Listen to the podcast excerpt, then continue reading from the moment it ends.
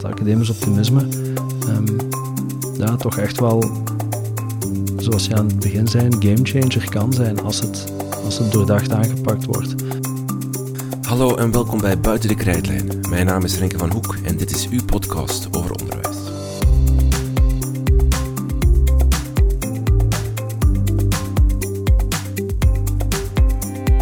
Gelijke kansen en kwalitatief ambitieus onderwijs. Het blijft een moeilijk huwelijk. Vaak lijkt het ene het andere in de weg te staan, of blijken ze te botsen in de realiteit.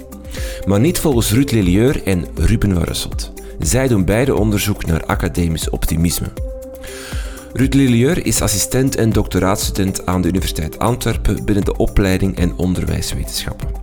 Ruben van Russelt is adjunct-directeur aan het ateneum Martinus in Bilze en studeerde vorig jaar af in de masteropleiding en onderwijswetenschappen aan de Universiteit Antwerpen. Zijn masterproef ging over academisch optimisme.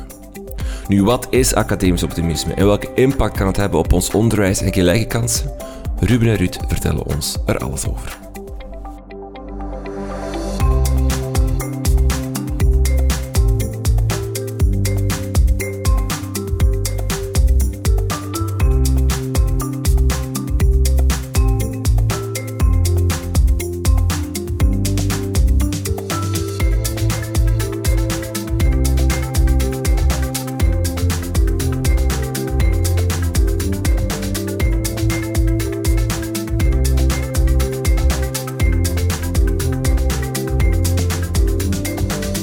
Dag Ruben, dag Ruud, welkom in de podcast.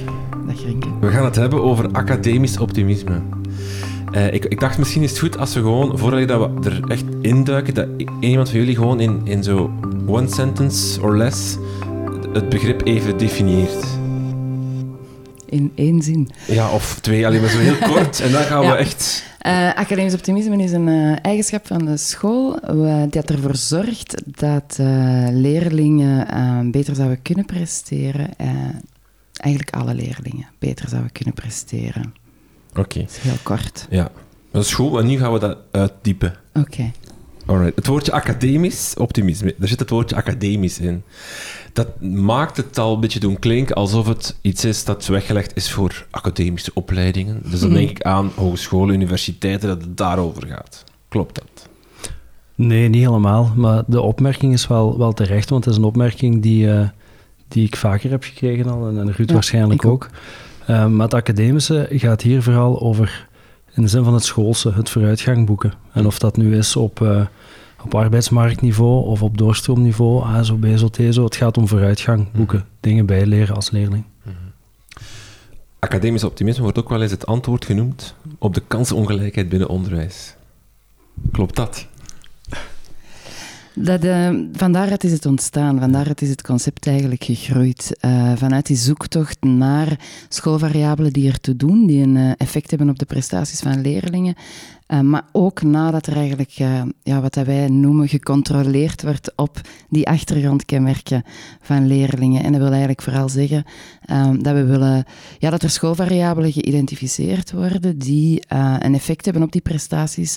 En waarbij, waaruit, of waarbij blijkt dat ehm, die achtergrondkenmerken van leerlingen niet meer bepalend zijn. Als die in het model gebracht worden, als we daarop gaan controleren, zoals dat we dat noemen, en blijkt dat die achtergrondkenmerken bepalender zijn, ja, dan verdwijnt eigenlijk die eh, invloed van die schoolvariabelen op die prestaties. En academisch optimisme is ontstaan uit die zoektocht. Dus we willen... Want eigenlijk is er een soort van bijna defetisme of zo binnen het onderwijs, dat men eigenlijk denkt van ja, die kansenongelijkheid, onderwijs kan dat niet oplossen. Ja, en De- dat is niet waar. Ja, dat is wat academisch optimisme eigenlijk Ja. weerlegt. Van kijk, het kan wel. Onderwijs Ja. kan wel een rol spelen, ook al heeft een kind een lage sociaal-economische status, ook al heeft hij ouders die eh, geen Nederlands spreken en dergelijke. Ja, inderdaad. Er zijn natuurlijk, we gaan niet ontkennen dat die, eh, dat die achtergrondkenmerken een rol spelen, maar er zijn, de school doet er wel degelijk toe, de leraar doet er wel degelijk toe en eh, is heel belangrijk. Oké, dan komt nu de vraag, wat is academisch optimisme? En nu mag het lange antwoord komen. Drie componenten, daaruit bestaat het. Klopt. Het is zo'n driehoek, Ja. heb ik gezien. Dat klopt. Welke drie componenten gaat het? Als het over academisch optimisme van, van de school eh, gaat, dan ehm, is een van de drie componenten collectieve doelmatigheid. Eigenlijk de overtuiging van een heel team van leerkrachten dat zij bekwaam zijn en dat zij in staat zijn om die uitdagingen die het onderwijs uh, biedt, om die, om die het hoofd te bieden. Het tweede element is het vertrouwen van het team. Het vertrouwen in leerlingen, maar ook in ouders. En dat werkt wederkerig. En een derde element van academisch optimisme is uh, de academische gerichtheid. En let ook daar weer op het woord academisch. Het gaat hier om gerichtheid op het leren. En dan een school, leerkrachten de focus leggen op van kijk mannen, wij zijn hier om, om vooruitgang te boeken, om dingen bij te leren. Mm, Oké, de eerste collectieve doelmatigheid. Gaat het dan gewoon over zelfvertrouwen? Dat je als team of in jezelf als persoon vertrouwen hebt in ik kan mijn job? Dat is een heel belangrijk eh, aspect ervan. Het gaat inderdaad over dat, dat geloof in, um, in het team als collectief. Dat wat dat die doen, wat dat het team doet, dat een, een, eh, een verschil kan maken. En niet alleen uh, bij leerlingen die, ja, die makkelijker te leren zijn, maar ook bij leerlingen die, ja, die gehinderd worden door een moeilijkere thuissituatie of door leerproblemen of door andere factoren die het leren bemoeilijken. Dus het gaat er echt over van geloven wij als team dat wij een verschil kunnen maken, dat wat dat wij doen, dat dat ertoe doet. Hmm. Motivatie zit dat er ook in? Gemotiveerd zijn als team? Of? Ja, voor een stuk natuurlijk wel. Mhm. Eh, omdat dat belangrijk is dat, die, uh, dat je blijft... Eh, dat je, vanuit dat geloof dat wat dat je doet, dat dat goed is, ga je natuurlijk gemotiveerd zijn om je extra in te zetten. dat mhm. is er, het is er eerder een gevolg van, maar het is wel een belangrijk gevolg van. Academische gerichtheid, zoals je net al zei, Ruben, dat gaat eigenlijk over gewoon ambitieus zijn, hoge verwachtingen stellen. Ja, het is eigenlijk de, de mate waarin een schoolteam gemotiveerd is, gedreven is om te streven naar, naar succes bij hun leerlingen. Dat gaat dan over hoge, maar ehm, niet te hoge, maar haalbare doelen stellen. Um, ervoor zorgen dat heel die leeromgeving um, ja, ordelijk, rustig is, ernstig is, dat je focus echt op het leren ligt. En leerlingen worden dan gemotiveerd om hard te werken. En er is ook genoeg plaats en ruimte om, om dan als er succes geboekt wordt, klein of groot, om dat dan te vieren op school of in de klas bij die leerlingen. Maar successen boeken op academische domeinen, op leren. Ja, maar dat leren gaat natuurlijk breed. Hè. Dat gaat eigenlijk ook over vaardigheden. Hè. Dat gaat eigenlijk over alle soorten leren, niet alleen academisch. Het blijft een lastige, die academische. Um, ik kan dat verklaren omdat dat eigenlijk... Dat komt uit, ja, het concept komt uit een anglo-saxische wereld, waarbij dat academic meer betekent dan hoe dat wij dat hier interpreteren, als dat puur academische. En we hebben er al over, uh, al over gepraat, van zouden we nu niet beter eigenlijk een, een andere naam vinden? um, maar ja, zo schoolsoptimisme, dat is dan toch weer...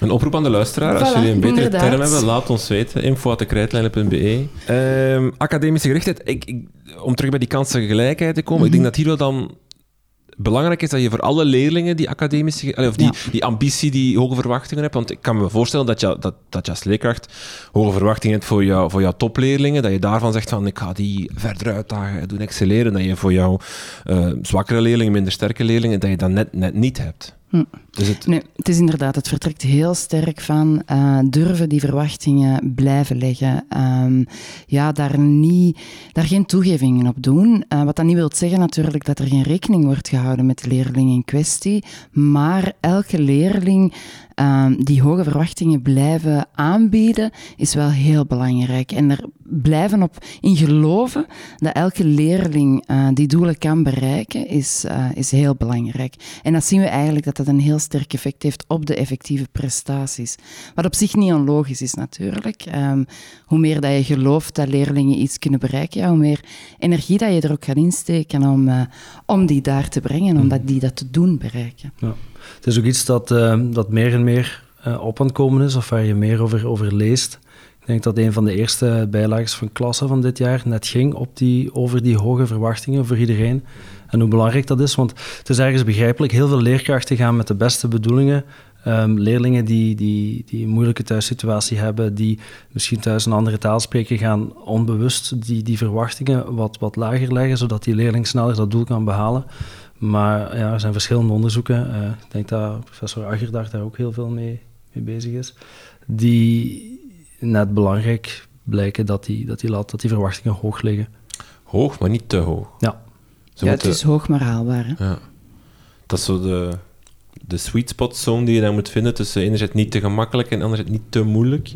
En dan voor elk kind, hoe, is, is, gaat het dan over dezelfde? Is het dan zorgen dat je, dat je differentieert, dat je, dat, je, dat je als leerkracht eigenlijk dezelfde verwachtingen, maar dan in een soort van palet hebt, uh, zodat je elk kind kan bedienen in, in, dat, in, in die sweet spot? Ja, deels gaat dat wel. Ik denk dat elke leerkracht voor een stuk gaat differentiëren, maar ik denk dat het belangrijkste onderdeel ervan is er niet van uitgaan dat iemand iets hmm. niet gaat kunnen. Ja. Mhm.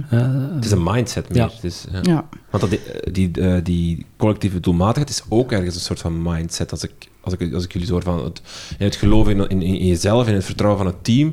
Het tweede is dan eh, het, het geloof in, in elke leerling. Van elke leerling daar gaan we voor gaan, want ik geloof dat die dat allemaal kunnen bereiken. Ja. Ik heb er overal hoge verwachtingen van. Bij dat tweede uitzicht dat dan natuurlijk in het gedrag dat je stelt naar die leerlingen toe en hoe dat je die, die mindset in, tot vertaling brengt. Maar het is inderdaad belangrijk, want los van, uh, ja, van het belang van differentiatie, gaat het er net om dat je blijft geloven dat elke leerling um, die doelen kan bereiken, dat die, dat die lat hoog mag liggen.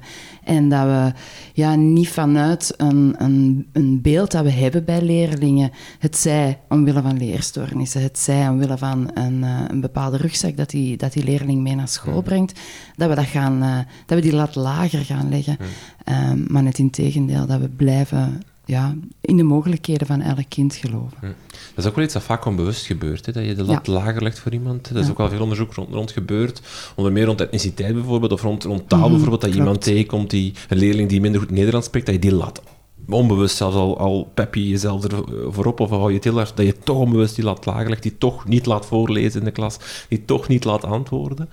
Eh, speelt dat dan ook mee? Is dat ook, ben je dan niet academisch gericht bezig als je dat ook onbewust doet?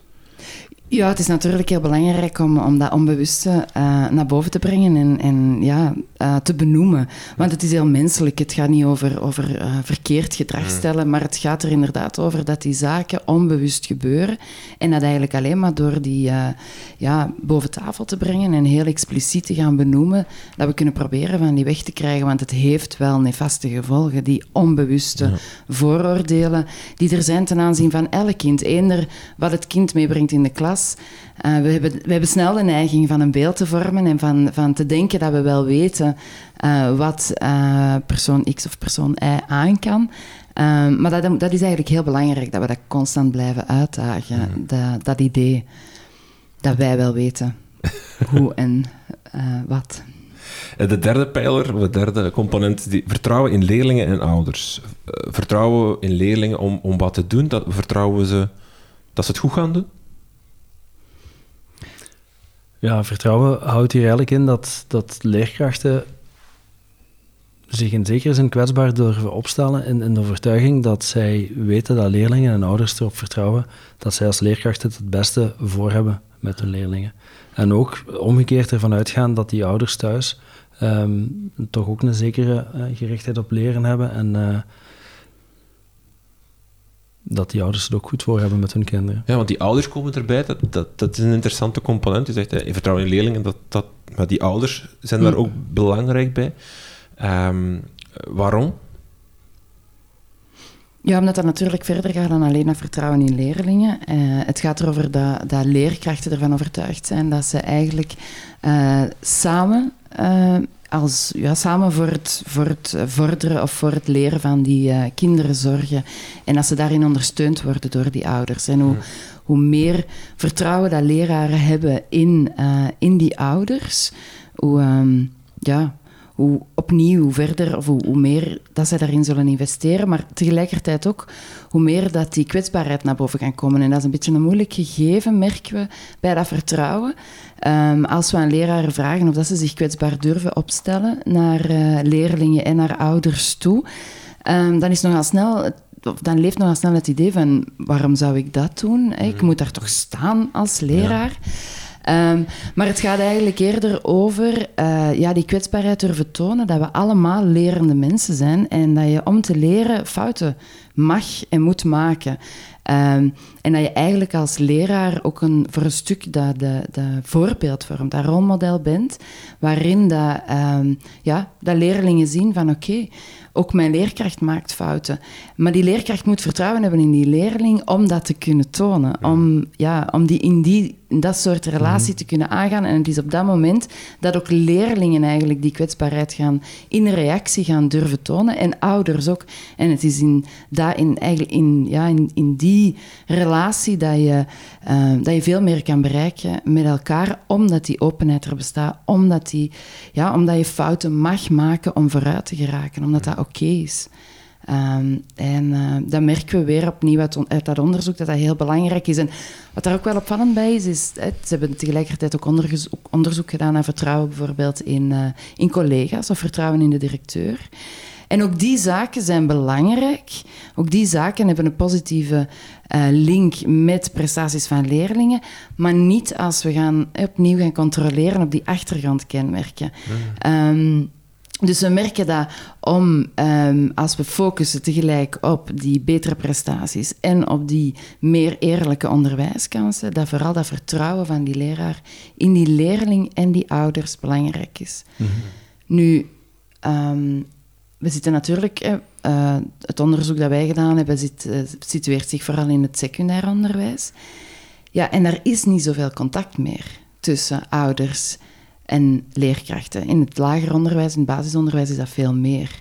En dan merken we wel uit dat onderzoek ook dat blijkt dat dat eigenlijk het minst aanwezig is. Het vertrouwen van uh, leraren in ouders. Ja. En dus van die drie componenten, is dat degene waar, waar, waar school nog het meest op tekort schieten? Ja, dat is, het is Allee, dubbel. of tekort is misschien fout nee, gezegd. Eigenlijk is het heel dubbel. We hebben, uh, dus we, we, zien, we hebben drie componenten, maar we, hebben, we splitsen vertrouwen eigenlijk hebben we opnieuw opgesplitst. Uh, oorspronkelijk was dat onderzoek, hadden ze vertrouwen in leerlingen en uh, ouders samengenomen. Wij hebben dat terug opgesplitst, omdat effectief in het secundair onderwijs er grote verschillen op bestaan. En als we dat als één variabele nemen, dan ja. verliezen we eigenlijk een belangrijk uh, deel van de informatie. En we zien daar heel grote verschillen. Het vertrouwen in leerlingen is best hoog. Mm -hmm.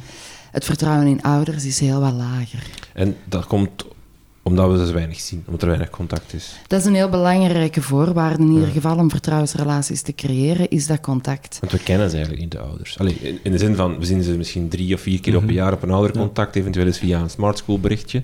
Ja, maar klopt. echt kennen en weten van, wat speelt er nu eigenlijk, of, of wat doe jij, of, of welke fouten maak jij, welke fouten maak ik, die momenten zijn er bijna niet. Er is veel minder die, uh, die ja, het, het idee van we zijn hier samen, we zorgen hier samen voor de opleiding uh, van het kind in kwestie. Hmm. Dat leeft minder in het secundair onderwijs. Terwijl anderzijds er wel heel veel inspanningen gebeuren, ook van scholen, om ouders wel te betrekken en om, ja. om, die, uh, ja, om, die, om, om hen uh, op school te halen. Um, dus die inspanningen zijn er wel. Zijn die niet vaak vanuit een soort van informerende rol? Zo van, we gaan de ouders informeren en niet per se van, we gaan de ouders... Um, in een vertrouwensrol steken. Dus van, we gaan samenwerken. Ja, ja, het is meer van, kijk, kom af, we vertellen jullie allemaal op de infoavond wat, wat er allemaal staat te gebeuren, maar niet van, hé, hey, we gaan samen dit doen. Dus ja. dat, en daarin, shift, ja. daarin ligt inderdaad ligt nog heel veel winst uh, ja. te rapen. Maar je zag dan wel in ons onderzoek bij um, academisch optimistische scholen, die net zo goed minder betrokkenheid hadden van hun ouders, dat daar toch ook nog wel wat vertrouwen was en, en, en ja, misschien meer begrip waarom er minder betrokkenheid was. Ja, klopt. Um, die drie componenten samen vormen wat, wat, jullie academisch optimisme noemen, of wat we academisch optimisme noemen. En is het dan in de zin van scholen die hoog scoren op die drie, of die goed zijn die drie componenten, zijn academisch optimistischer dan scholen die minder goed scoren? Dus het is gewoon de drie optellen, een rekensommetje, ja. en dan kom je op een getal uit fictief. En dat is dan ja, een score op academisch optimisme. Ja, dat is natuurlijk een conceptueel gegeven, ja. maar het komt er inderdaad wel op neer dat dat toont uh, in, in welke mate die, uh, die, die verschillende subconcepten aanwezig zijn en samen... En ja, die, die, die samenhang is daarin wel heel belangrijk. Um, die, uh, er is de wederkerige relatie tussen de verschillende ja. subconcepten is daarbij wel heel belangrijk. Want ze lijken me heel sterk samen te hangen. Mm in de zin van... Klopt die hoge verwachtingen samen met het gevoel hebben als leerkracht, ik kan die hoge verwachtingen waarmaken. Ik geloof in mezelf dat ik dat uit die, die twee, eerste twee bijvoorbeeld, die lijken me heel hard samen te hangen. Dat derde eigenlijk ook, want je moet vertrouwen hebben in je leerlingen, dat, die, dat, die, dat we dat samen gaan kunnen, dat je gaat samenwerken met die ouders om hoge verwachtingen te behalen, bijvoorbeeld. Ja, klopt. Ja, en dat is iets wat... Ehm, dat is een voordeel, uh, want je kan werken op het ene en dat kan effect hebben op het andere. Maar het is wel heel belangrijk om dat in, in, um, in overweging telkens te nemen bij, bij acties gericht op het verbeteren van, van een van de subconcepten. Dat wat dat je doet voor het een het andere niet schaadt, want dan ga je natuurlijk je totale academisch optimistische cultuur naar mhm. beneden brengen. Hoe kan dat dan? Ehm, bijvoorbeeld als je... Um, enerzijds is het heel belangrijk om successen te vieren. Dat is, eh, dat is goed om, om, uh, ja, om bijvoorbeeld die collectieve doelmatigheid te verhogen, hè, die successen vieren. Maar als dat anderzijds, uh, als dat betekent dat er minder vertrouwen is, omdat de ene meer succesvol lijkt dan de andere... Mhm. Ja, dan heeft dat natuurlijk een... Um, ja, dan kan dat ook een negatief effect hebben. En dat is wel belangrijk om eigenlijk bij elke actie die, uh, die ondernomen wordt om een van de componenten te verhogen, om het effect op de andere, op andere componenten ook in uh, overweging te nemen. Mhm. Het is eigenlijk een soort van, van spanningsboog, of uh, een spanningsveld dat je in evenwicht moet houden. Als je te fel inzet op het een, dan kan dat slecht uitdraaien op een van de andere componenten. Mhm. Ja. Als je goed scoort op die drie componenten, ben je academisch optimistisch. En dan komt het, de clue van het, van het verhaal. Dan zorg je voor betere leerprestaties bij je, al je leerlingen, wat hun achtergrond ook is. Dat is inderdaad um, hetgeen wat uit onderzoek, veelvuldig onderzoek is gebleken. Ehm, waarbij dat er, ja, dat er eh, verschillende keren is gaan kijken naar het mate van academisch optimisme op school en um, de, mate, of, of, de prestaties van de leerlingen. En dan telkens weer met de vraag van geldt dit voor alle leerlingen of hebben die achtergrondkenmerken toch nog steeds een grotere invloed? Mhm. En dat onderzoek heeft keer op keer eigenlijk uh, hetzelfde bevestigd. En dat is hoe academisch optimistischer de scholen zijn, hoe beter de leerlingen presteren. Um, alle leerlingen, ook na controle op die achtergrondkenmerken dus. Hoe hard of hoe groot is, of voor een gamechanger is dat, is, is de ontdekking van de, van de academisch optimisten? Want wat we, met het gesprek begonnen was van eigenlijk blijkt ook heel vaak dat, dat scholen niet zoveel kunnen doen aan kansenongelijkheid. Hè. Wat er in de maatschappij gebeurt, reproduceert zich gewoon in school. En vaak vergroten scholen soms zelfs de ongelijkheid. Of, of blijkt dat die kloof groter wordt. Nu blijkt er iets te zijn. Allee, blijkt er iets te zijn. Het is niet wat we dat gisteren hebben uitgevonden. Maar eh, academisch optimistisch blijkt daar net nu een beetje tegenwind tegen. En te aan te tonen van, kijk, als we inzetten op die drie componenten, als we dat zorgen, dan verhogen we de leerprestaties van alle leerlingen, wat hun achtergrond ook is. Ja, het is wel heel belangrijk. Maar het is ook belangrijk om inderdaad te zien, die, die verschillende subconcepten, het is, die zijn niet nieuw. Hè. Dat, is al, dat is inderdaad al langer geweten dat die werken. Uh, wat, daar, wat daar recenter is, is, um, het feit, is, is die interactie tussen die subconcepten en eigenlijk een, een samenvoeging van die, uh, van die elementen onder die ene term. Wat maakt dat scholen eigenlijk uh, tegelijk, ja, we noemen dat zowel een cognitieve en affectieve als een gedragsmatige component hebben om op te werken. Wat, wat heel, um, ja, heel sterk aanspreekt en wat inderdaad maakt, dit is iets wat scholen zelf in handen hebben. Mm. Het is een, een totaal concept waar dat ze zich op kunnen focussen. Uh, waarbij dat um, op verschillende uh, vlakken er gewerkt kan worden. En waar, waarbij dat heel duidelijk geweten is, oké, wat wat, nu, wat werkt nu het best?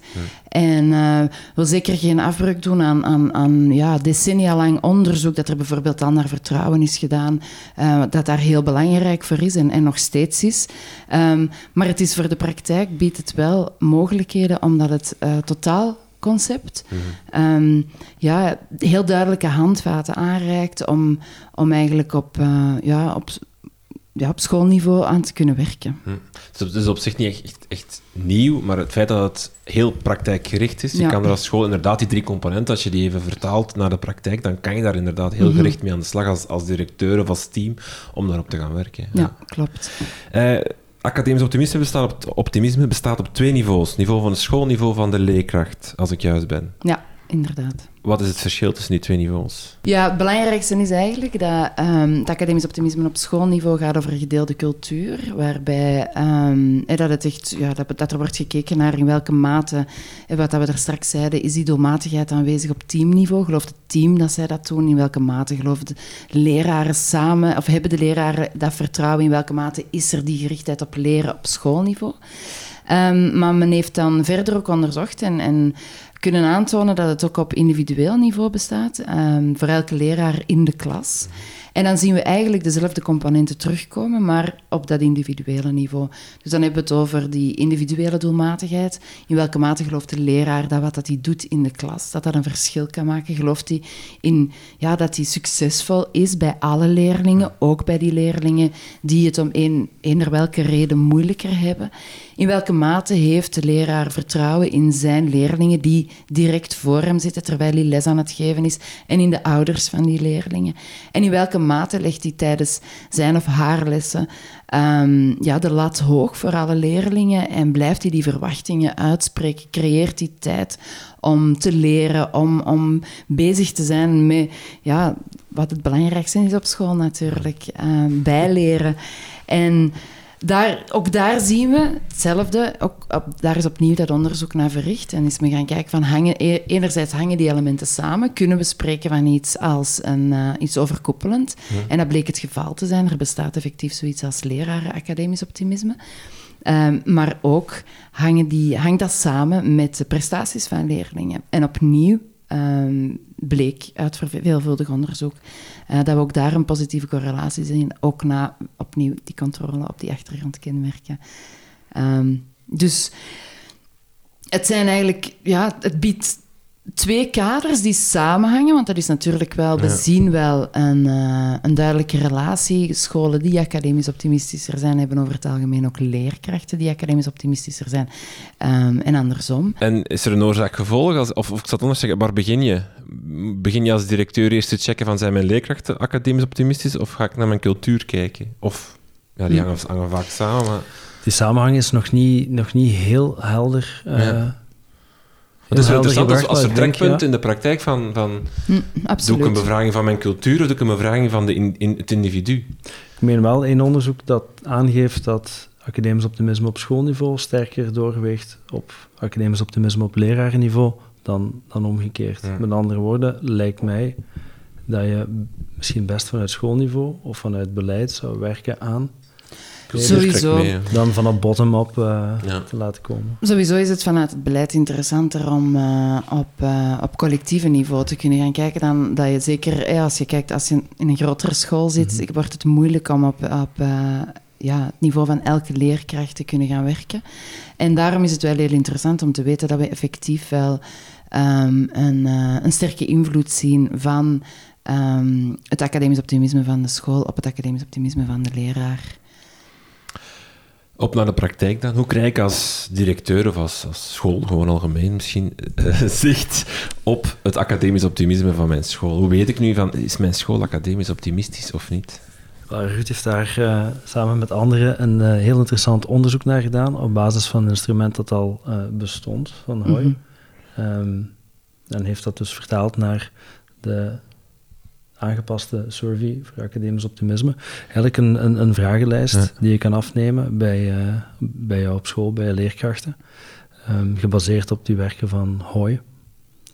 Um, ja. En ja. die dus een duidelijk beeld leveren over de mate van het academisch optimisme bij jou op school. Is dat dan een, uh, zo, zo, zo ik weet het naam niet, zo'n grafiekje dat je dan zo met zo'n met zo uitsteking, dat zo in die drie componenten, dat je kan zien hoe goed dat je team scoort op elk component? Daar zijn we helaas nog niet. Dat is wel, ik droom daar wel van om uh, zo'n instrument te ontwikkelen. Voorlopig is het uh, de vragenlijst zelf die dat we aanbieden. Ja. Uh, maar moeten scholen nog wel zelf met, met analyse aan de slag. Ehm, maar ik hoop op een gegeven moment dat we, ja, dat we eigenlijk gewoon een instrument kunnen aanbieden um, dat automatisch heel duidelijk aangeeft ja, hoe hoog je op welke onderdelen scoort en wat dat, dat dan betekent voor het beleid op school. uh, waar dat je dan best op inzet om het academisch optimisme uh, te verhogen. Want uh, Ruby, jij bent echt kwalitatief onderzoek gaan doen. Je bent naar scholen getrokken om echt te gaan praten van... van want er is heel veel kwantitatief onderzoek. Kwalitatief onderzoek was er nog niet zoveel. Daar ben jij gesprongen. Het blijkt wel echt als je het even concreet wil maken, wat uit jouw onderzoek komt, bijvoorbeeld, als ik hier goed lees, sociaal-economische achtergrond wordt dan niet gebruikt bij academisch optimistische scholen als excuus als het leren niet goed lukt. Of waarom de lat lager gelegd wordt. Ja, dat is een van de punten die, uh, die uit, het, uit dat onderzoek komt. Um, bij de selectie van scholen uh, hebben we ons gebaseerd op, op de scholen die Ruud allemaal uh, de survey had laten invullen. Dus ik had eigenlijk een heel, heel breed spectrum van scholen die zeer laag tot zeer hoog scoren. En ik ben daar echt naar de uiterste gegaan. Dus naar, bij wijze van spreken, de vier laagst scorende scholen en de vier hoogst scorende scholen. En Um, ja, daar dan een interview gaan afnemen. En ze spreken beiden over die sociaal-economische situatie, maar inderdaad, academisch optimistische leerkrachten die zien daarin net een extra incentive, een, een boost van kijk, het is onze plicht om, uh, we weten dat het daar moeilijk gaat, we weten dat het lastig gaat en het is onze taak om, ja, om daarmee aan de slag te gaan en dat we daar harder, mee, harder voor moeten werken dan, dan een doorsnee... Uh, ja, de secundaire school met, met, met leerlingen van, van uh, middelhoge komaf, uh, dat weten wij, maar net dat uh, geeft ons een drive en hmm. net daar krijgen we onze voldoening uit. Terwijl in academisch, minder academisch optimistische scholen of academisch pessimistische scholen werd er ook over die sociaal-economische situatie gesproken, maar werd dat vaak aangehaald als van ja kijk, dat, dat is de reden waarom het niet goed loopt. Ik, kan, ik kan niet werken met, met die mannen. dat is zo een van die dingen die een quote die mij is bijgebleven. Ja, de, de oorzaken voor falen of succes waren, waren helemaal anders. Dat vond ik heel interessant om te lezen. Van de, het attribueren, dat is ook wat, mm wat de term die jullie gebruiken, van, van waarom iets lukt of waarom iets niet lukt. Die insteek is compleet anders. Ja. Ja, het was uh, op suggestie van, van Jan van Hoof, die op een uh, zonnige oktobernamiddag zei van hey, wat als jullie nu eens met de attributietheorie mee aan de slag gaan uh, in mhm. dat onderzoek. Um, dat hebben we dan ook gedaan het is eigen aan de mens om verklaring te zoeken voor dingen die, die rondom hem gebeuren of die, die anderen doen. En vanuit die insteek hebben we dan gezocht naar wat zijn de, de oorzaken die leerkrachten aangeven um, waarom zij al dan niet een, hoge mate van een van die deelcomponenten hebben. Dat is ook exact wat ik gevraagd heb. Hè. Hoe loopt dat hier? Hoe bekwaam voel jij je? Um, en dan de belangrijkste vraag, ja, waarom kwam dat? En het is dus effectief zo dat daar verschillen in zijn. Academisch optimistische scholen of leerkrachten, die, um, die benoemen heel vaak niet enkel zichzelf, maar ook hun team, de school, uh, de schoolcultuur. Terwijl uh, je hebt zoiets als klassieke attributiefout, dat je standaard wat goed gaat, dat is jouw verdienste en wat slecht gaat, dat is de fout van de anderen. Wel, dat doen academisch optimistische leerkrachten dus minder. Die wijzen ook de reden van succes naar hun team en naar dingen die rondom hen gebeuren. Academisch pessimistische scholen hè, hebben vaker leerkrachten die wat goed loopt, dat is hun verdienste. En wat fout loopt, is heel vaak een andere oorzaak. Ehm, en heel vaak dan was dat uh, in scholen met een hoog aantal gokleerlingen, was dat de sociaal-economische situatie. Het is een mindset, deels, of voor een groot deel, dat ook het gevoel van aan wie of wat attribueer ik mijn, mijn succes of mijn falen.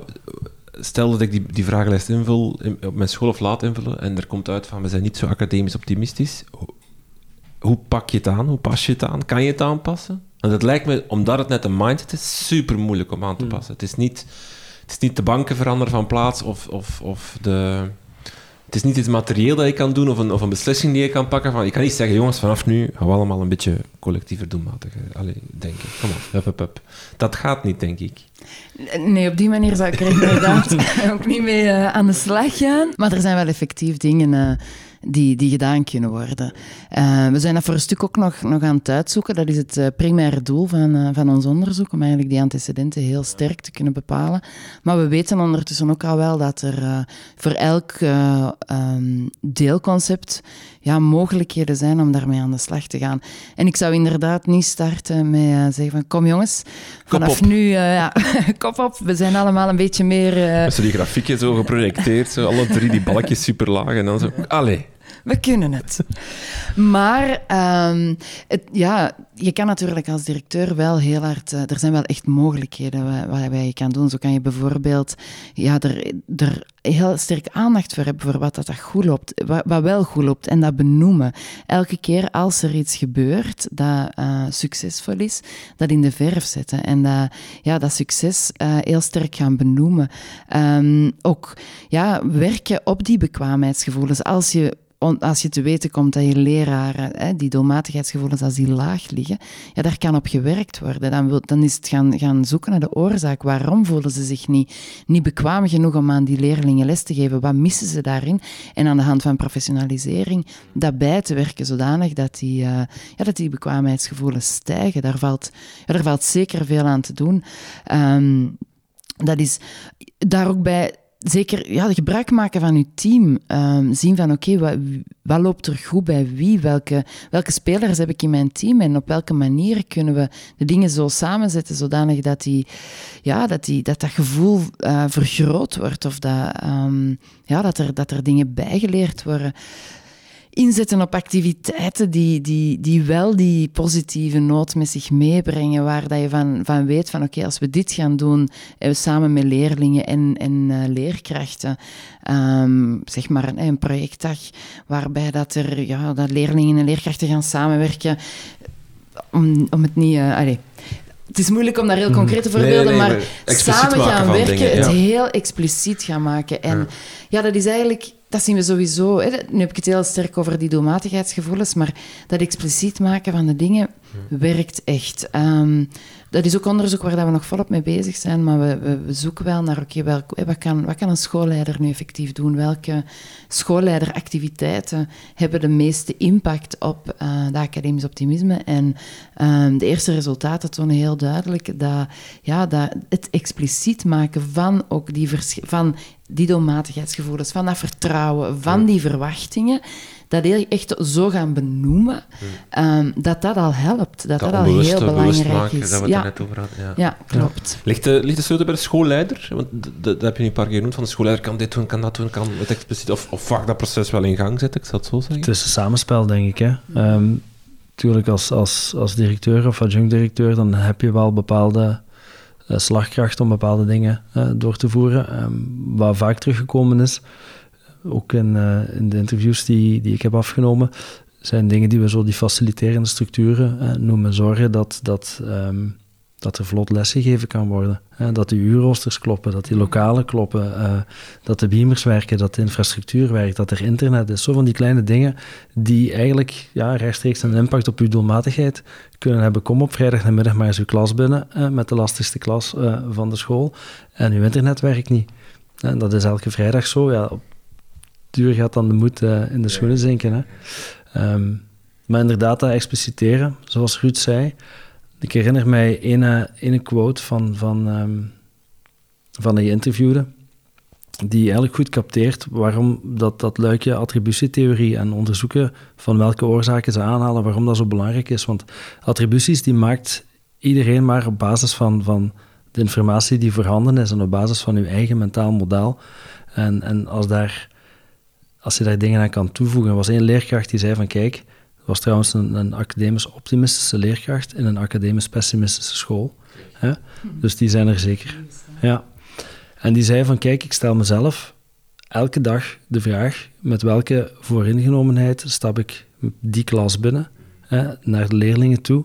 Wat betekent dat voor de manier waarop ik lesgeef en wat betekent dat voor de manier waarop die leerlingen aan de slag gaan met wat ik vertel? En dat vond ik een heel mooie ingesteldheid. En als dat iets is wat je aan het mentale kader van heel veel leerkrachten kan toevoegen, dan, um, ja, dan, sta, je al, dan sta je al een stap vooruit, denk ik. Is er ook zoiets als het academisch optimistische van de directeur? Namelijk, ik was me eigenlijk aan het afvragen van die drie componenten bijvoorbeeld, zijn die bij elke leerkracht, kunnen die bij elke leerkracht wel groeien? Kan ik kan me voorstellen dat er sommige leerkrachten of sommige mensen, personen, gewoon met een bepaalde fixed mindset zitten van, van een bepaald idee hebben over iets en daar gewoon niet vanaf kunnen stappen. Ik zal een, het feit dat je blijft volhouden of vindt dat iemand die niet goed Nederlands kan, die kan niet goed leren. Bijvoorbeeld, dat is, ik verzin er nu iets letterlijk, dat je dat gewoon... Dat je, je bent daar zo van overtuigd, of je, je hebt dat altijd meegekregen van vroeger, dus hoe dat je opgevoed, opgevoed bent dat je daar ook niet in kunt groeien, zodat je dan net niet die hoge verwachting kunt stellen. En als je zo doordenkt, dan moet je ook, stel dat je een directeur bent, dan moet je eigenlijk een, een hoge verwachting ook durven leggen bij je, bij je, bij je personeelsleden. Dus eigenlijk moet die ook academisch optimistisch zijn om zijn personeel academisch optimistisch te krijgen. Ja. ja. Uh, interessant vervolgonderzoek, denk ik. Je dezelfde vraag kunnen stellen over bestaat het op leerlingenniveau? Ja. Daar is ook al wel iets naar, eh, daar is al wat onderzoek naar verricht, op leerlingenniveau. En wacht, hoe, hoe uitziet dat? Dus een leerling moet ook academisch optimistisch zijn. Ook zelfvertrouwen hebben, zelf de dingen worden dan inderdaad wat omgedraaid. Ik weet er het fijne zelf niet zo van. We hebben er ons nog niet echt op toegelegd.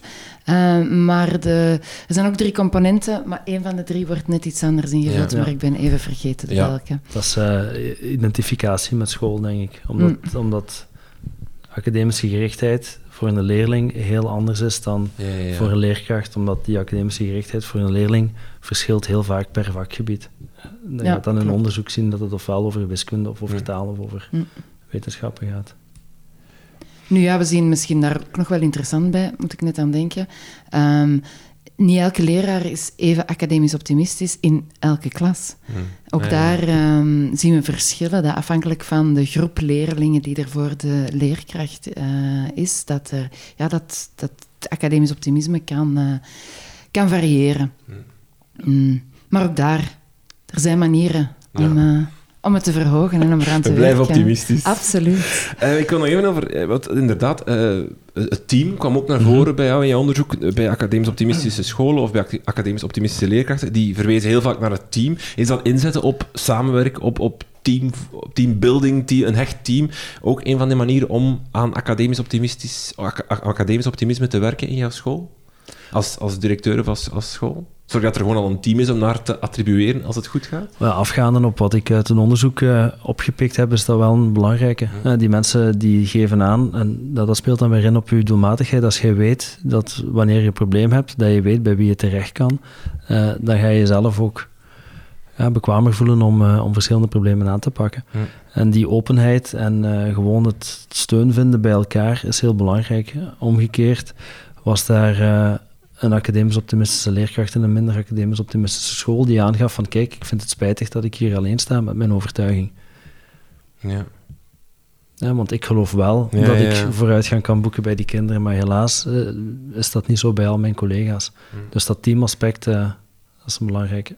Ja, absoluut. Want je ziet ook, zeker als je dat zou omdraaien, hè, je weet ook als er in de lerarenkamer Ehm, met een gevoel van hopeloosheid of met een gevoel van wat maakt uit wat dat wij hier doen. Word je meegetrokken? Ja, oh, dat wordt inderdaad, dat heeft, dat heeft ook een negatieve gevolgen voor die doelmatigheid. Dus ja, dat kan in beide richtingen heel krachtig werken. Ehm, maar dat is dus wel iets wat je ehm, als team aan kan werken. En om nog even terug te komen op wat je daar straks vroeg, van ligt het allemaal bij de directeur of bij het beleid? Ik denk dat daar een, zeker een heel belangrijke rol is, omdat je ja, natuurlijk de krijtlijnen uitzet. je kan, je kan natuurlijk ook naar vakgroepen gaan kijken, naar uh, wat het team voor elkaar kan betekenen. Um, uh, en op die manier ligt het niet alleen bij de directie. Nu is het ook wel... Ik heb nu al uh, het voorrecht gehad om een aantal keer um, lerarenteams uh, mee te nemen in uh, die uh, wonderwereld van het academisch optimisme. Um, en ja, dan zie je ook wel dat dat wel triggert en dat je ook daarop, dat je ook met leraren aan de slag kan gaan en dat het niet altijd alleen, al, alleen maar vanuit een beleid kan volgen, maar dat ze ook elkaar kunnen gaan, ja, gaan, gaan aansteken hmm. um, in dat academisch optimisme. Hmm. Kleinschaligheid, dat, las ik ook in jouw onderzoek. Mhm. Dat ook, ja, dat kleinschaligheid werd, vaak wordt aangehaald in academisch optimistische scholen. Werkt het daar beter als de school kleinschaliger is? Um, ik weet niet of het, of het beter werkt. Het klinkt logischer dat academisch optimistische scholen, die toevallig ook kleinschalig zijn, dat als een reden aangeven. Want um, Natuurlijk kan je inbeelden dat als het gaat over, over organisatie, over structuren, dat dat makkelijker te organiseren valt in kleinschalige scholen. Maar in mijn onderzoek waren net zo goed scholen die tot de hoogste leerlingenaantallen zaten, die even goed academisch optimistisch waren. Die, die 600 tot 700 leerlingen hadden. Ehm, dus het is logisch dat het aangehaald wordt als een verklaring, maar er zijn ook academisch optimistische scholen die een hoog leerlingenaantal hebben en dus niet kleinschalig zijn. Jullie zijn de, de vertegenwoordigers van het academisch optimisme. De, de, uh, hoe groot wordt dit? How big does it get, denken jullie? Als het aan mij ligt, heel graag. Is dit de heilige graal voor ons onder... Nee, dat is nee, de, de heilige graal. Ik had een leerkracht, uh, humane wetenschappen bij ons op school vroeger, die zei altijd, wees, wees voorzichtig met mensen die komen aandraven met, met eenvoudige oplossingen voor complexe problemen. Uh, wees, wees heel voorzichtig als het politici zijn, en, maar ook als het uh, onderzoekers of wetenschappers zijn. Dus de heilige graal is veel gezegd, maar ik meen mij uit een van mijn lessen, die jij ook gehad hebt trouwens, Renke, te herinneren dat het het doel is van, van onderzoekers om toch een beetje um, ja, kaders of, of, of, modellen te, te, te vinden die, ja, niks is zo praktisch als goede theorie, hè, die, die uw eigen denken durven uit te dagen en die ook wel um, de dingen durven te benoemen. En ik denk dat academisch optimisme um, ja, toch echt wel, zoals je aan het begin zei, een gamechanger kan zijn als het als het doordacht aangepakt wordt. Ik weet ook dat jij een, coole minnaar bent van de Vlaamse proeven of Vlaamse toetsen die eraan komen. Ja, ik zie daarin, maar dat is dan vanuit onderzoeksveld dan eerder weer een heel interessante periode om die resultaten te leggen naast onderzoek van academisch optimisme, omdat dat iets is dat wij in Vlaanderen nog niet hebben kunnen doen, wat in andere scholen of in andere uh, onderwijscontexten wel al gebruikelijker is om die standaardproeven dan daarnaast te leggen. Dus ik denk dat academisch optimisme een, eh, optimisme een heel boeiende toekomst tegemoet gaat. Ik ben er ook blij, blij mee, want um, jij staat zelf in het onderwijs. Uh, het is al heel lang geleden dat er nog eens een positief en optimistisch ja, geluid het wel, klinkt. Hè? Het is wel een, ongelooflijk positief verhaal dat je kan gaan Absoluut. vertellen als je het wil gaan uitleggen, hè, jongens. Van, van... Ja, en dat is, dat is waarom dat ja, het mij in allereerste instantie zo heeft aangesproken dat ik, uh, dat ik besloten heb om toch in ieder geval alvast een belangrijk deel van mijn leven eraan te wijden, is dat het echt in handen van de scholen en de leraren ligt. En um, wat het overkoepelende beleid ook mag zijn, um, je hebt zelfs wat, wat het, zelfs wat je schoolbeleid mag zijn, dan nog heb je als leraar iets in de hand om een verschil te maken. En dat is, je, je hoeft niet te wachten tot ja, dat er iets draait of keert, of dat, het, uh, ja, dat er evoluties gebeuren in het onderwijsveld. We weten allemaal dat het, uh, dat het geen sector is waar, waar veranderingen snel gaan. Maar dit, heb je, dit is iets ja, wat bij leraren, wat bij scholen zelf ligt. En dat maakt het volgens mij wel gewoon heel krachtig en, en ja, iets heel moois mhm. om, uh, om in te investeren. En wat we nog niet, misschien nog niet voldoende benadrukt hebben, is het is dus effectief zo dat academisch optimisme kneedbaar is. Hè. Je kan als hm. niet-optimistische school optimistisch worden. Daar kan aan, daar kan aan gewerkt worden. Hm. Wij lijken echte verkopers ja, academisch optimisme. Dat is goed. Want misschien nog als laatste even schetsen. Het is, het is, het is op zich, uh, mag ik zeggen, een vrij nieuw begrip gestoeld op, op oude theorieën of op oude, oude componenten die we al mhm. weten die werken. Waar staan we in het onderzoek? Wat moet er nog gebeuren? Wat, welke belangrijke vervolgonderzoeken zijn echt nog wel nodig om, om, om meer zicht te krijgen op academisch optimisme en hoe, hoe het in te zetten in de praktijk? Ja, er zijn nog een aantal paden die dat we heel graag willen bewandelen. We zijn nu vooral aan het inzetten op die antecedenten, zodanig dat we heel concreet aan scholen kunnen zeggen van kijk, zet hierop in, want dat heeft het meeste effect. Dat, is het, dat werkt het beste om zo snel mogelijk um, ja, academisch optimisme te verhogen op scholen. Uh, maar daarnaast, hetgeen wat er net ook al is aangehaald, ja, is, ligt er nog heel veel um, informatie te raap bij leerlingen. Voorlopig focussen echt op leerkrachten. Maar ook leerlingen hebben daar iets in te zeggen. Uh, mogelijk ouders. Um, het academisch optimisme van de directeur is hier zo net uh, heel uh, interessant geopperd geweest. Um, ja, er zijn eigenlijk, we weten nu bijvoorbeeld ook we hebben heel duidelijk kunnen um, in kaart brengen welke scholen meer of minder academisch optimistisch zijn. En we weten ook uh, welke uh, contextfactoren die scholen mee vorm geven. En we willen eigenlijk ook nog veel verder onderzoeken wat dat maakt dat, ja, dat sommige scholen against the odds toch heel goed scoren. Um, En dat is voor een stuk al, uh, al in kaart gebracht met het onderzoek van Ruben. Um, maar we, kunnen daar nog, we willen daar eigenlijk nog veel verder in gaan om heel goed te weten van... Oké, wat maakt nu dat uh, scholen die... Um, ja, die, die ondanks um, hun moeilijkere leerlingenpubliek uh, toch heel academisch optimistisch zijn. Toch, of, of die, ja, welke rol speelt academisch optimisme daar en hoe kunnen we die informatie uh, nog gaan inzetten om, om scholen te helpen? En vooral echt dat antwoord te krijgen op ja, wat zijn wat werkt er? Wat werkt er nu echt om... Hmm. Het is mooi dat er goede theorieën zijn, maar het uiteindelijke doel is, is die praktijk vooruit helpen, is, is echt ja, zicht krijgen op wat kunnen scholen nu het best op inzetten, wat werkt er nu echt ehm, en wat is het meest effectief om academisch optimisme te doen toenemen en bij gevolg die prestaties en die gelijke kansen ehm, te verbeteren. En ehm, ja, ik denk dat we dat niemand in de onderwijswereld nog ontkent dat beide zaken heel, heel dringend nodig zijn. En eh, ja, ik zeg niet, of wij zeggen niet dat alles zal veranderen dankzij academisch optimisme, zou mooi zijn. Eh, maar er ligt wel heel veel potentieel. Oké. Ruud, Ruben, heel veel dank voor het gesprek. Dankjewel.